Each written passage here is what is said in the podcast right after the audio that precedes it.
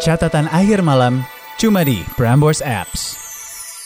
Semakin dewasa, semakin beda pola pikir, di mana saat itu dia chat gue minta hubungan yang lebih serius gitu. Gue kaget dong, Dak.